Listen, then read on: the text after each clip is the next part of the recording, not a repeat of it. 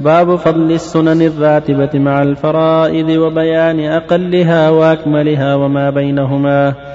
عن أم المؤمنين أم حبيبة رملة بنت أبي سفيان رضي الله عنهما قالت سمعت رسول الله صلى الله عليه وسلم يقول ما من عبد مسلم يصلي لله كل يوم ثنتي عشرة ركعة تطوعا غير الفريضة إلا بنى الله له بيتا في الجنة. أو إلا بني له بيت في الجنة. رواه مسلم. وعن ابن عمر رضي الله عنهما قال صليت مع رسول الله صلى الله عليه وسلم ركعتين قبل الظهر وركعتين بعدها وركعتين بعد الجمعة وركعتين بعد المغرب وركعتين بعد العشاء. متفق عليه. وعن عبد الله بن مغفل رضي الله عنه قال قال رسول الله صلى الله عليه وسلم بين كل أذانين صلاة بين كل أذانين صلاة بين كل أذانين صلاة. قال في الثالثة لمن شاء. متفق عليه. بالله صلى الله. صلى الله وسلم على رسول الله وعلى آله وأصحابه من اهتدى به. أما بعد هذه الأحاديث الثلاثة وما يأتي بعدها كلها تتعلق بصلاة التطوع. مع الفرائض وفي غير ذلك. صلاة التطوع فيها فضل عظيم وتكمل بها الفرائض. قد وعد الله عليها خيرا كثيرا. فينبغي المؤمن أن يكثر منها ليلا ونهارا. ومن ذلك صلاة ثنتي ركعة في اليوم والليلة.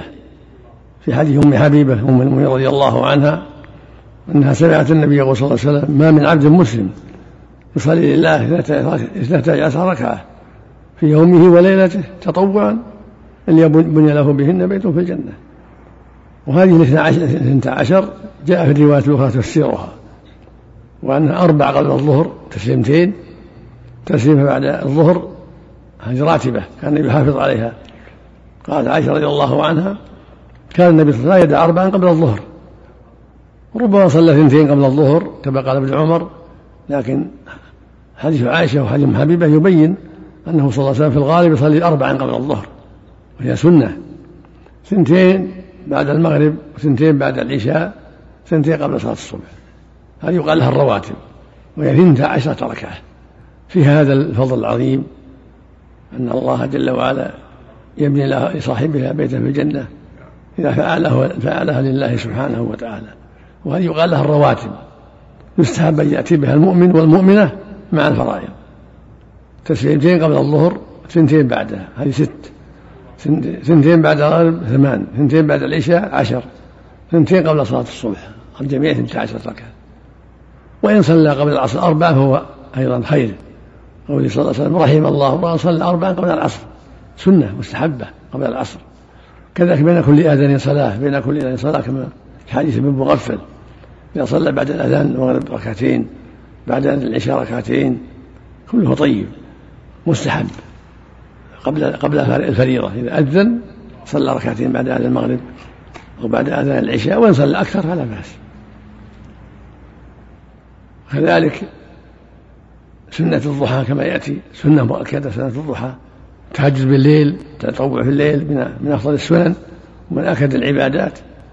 كما قال جل وعلا في أهل في المتقين كانوا قليلا من الليل ما يهجعون وبالأسحار هم يستغفرون.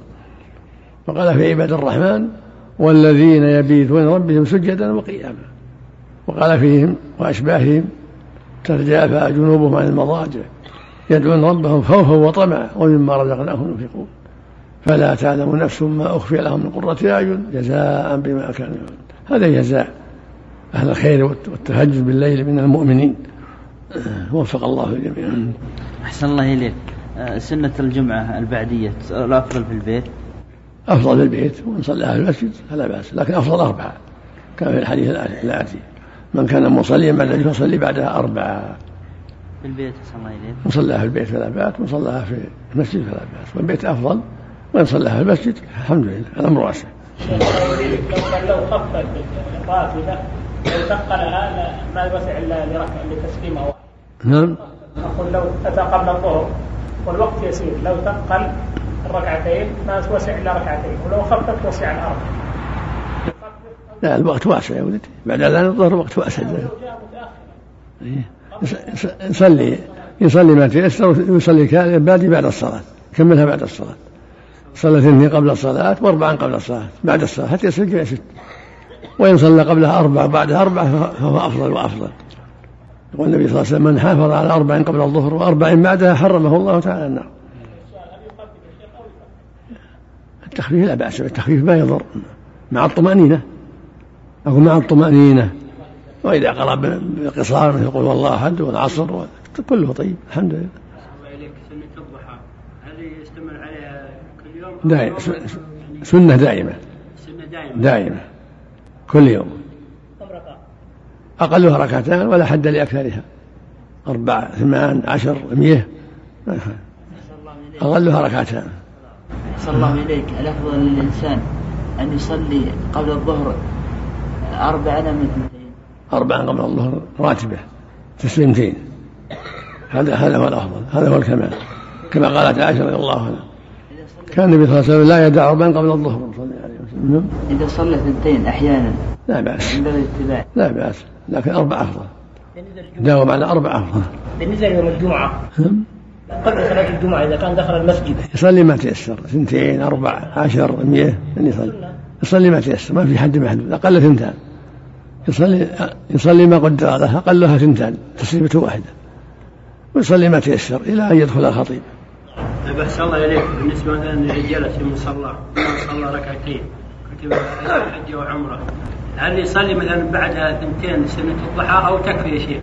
إن صلى زيادة فلا بأس ولا أقلها ركعتان وإن صلى أربع ولا ثمان ولا ما في كله طيب. من الإجابة كله طيب.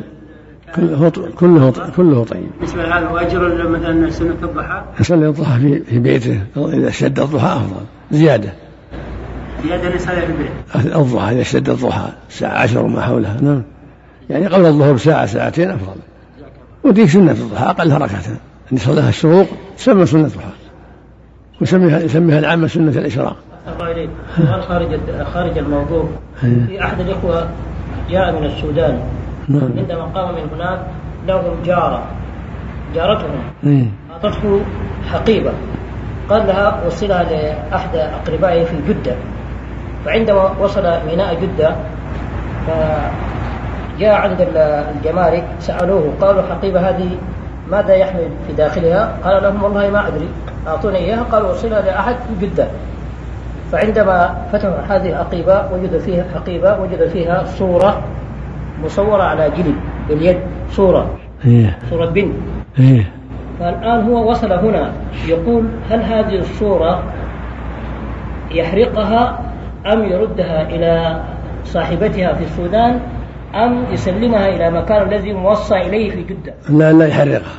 أيوة. لا لا, لا يردها ولا يسلمها. ما يسلمها؟ والنبي صلى الله عليه وسلم لا تدع صورة إلا طمستها. أيوة. نعم. يطمسها ثم يسلمها. حرقها ويؤجر, نعم. يطمسها. نعم. ثم يسلمها لصاحبها. سيطلب بالسوء سرقها. ها؟ يعطيها ممزقة مطموسة. حياك الله.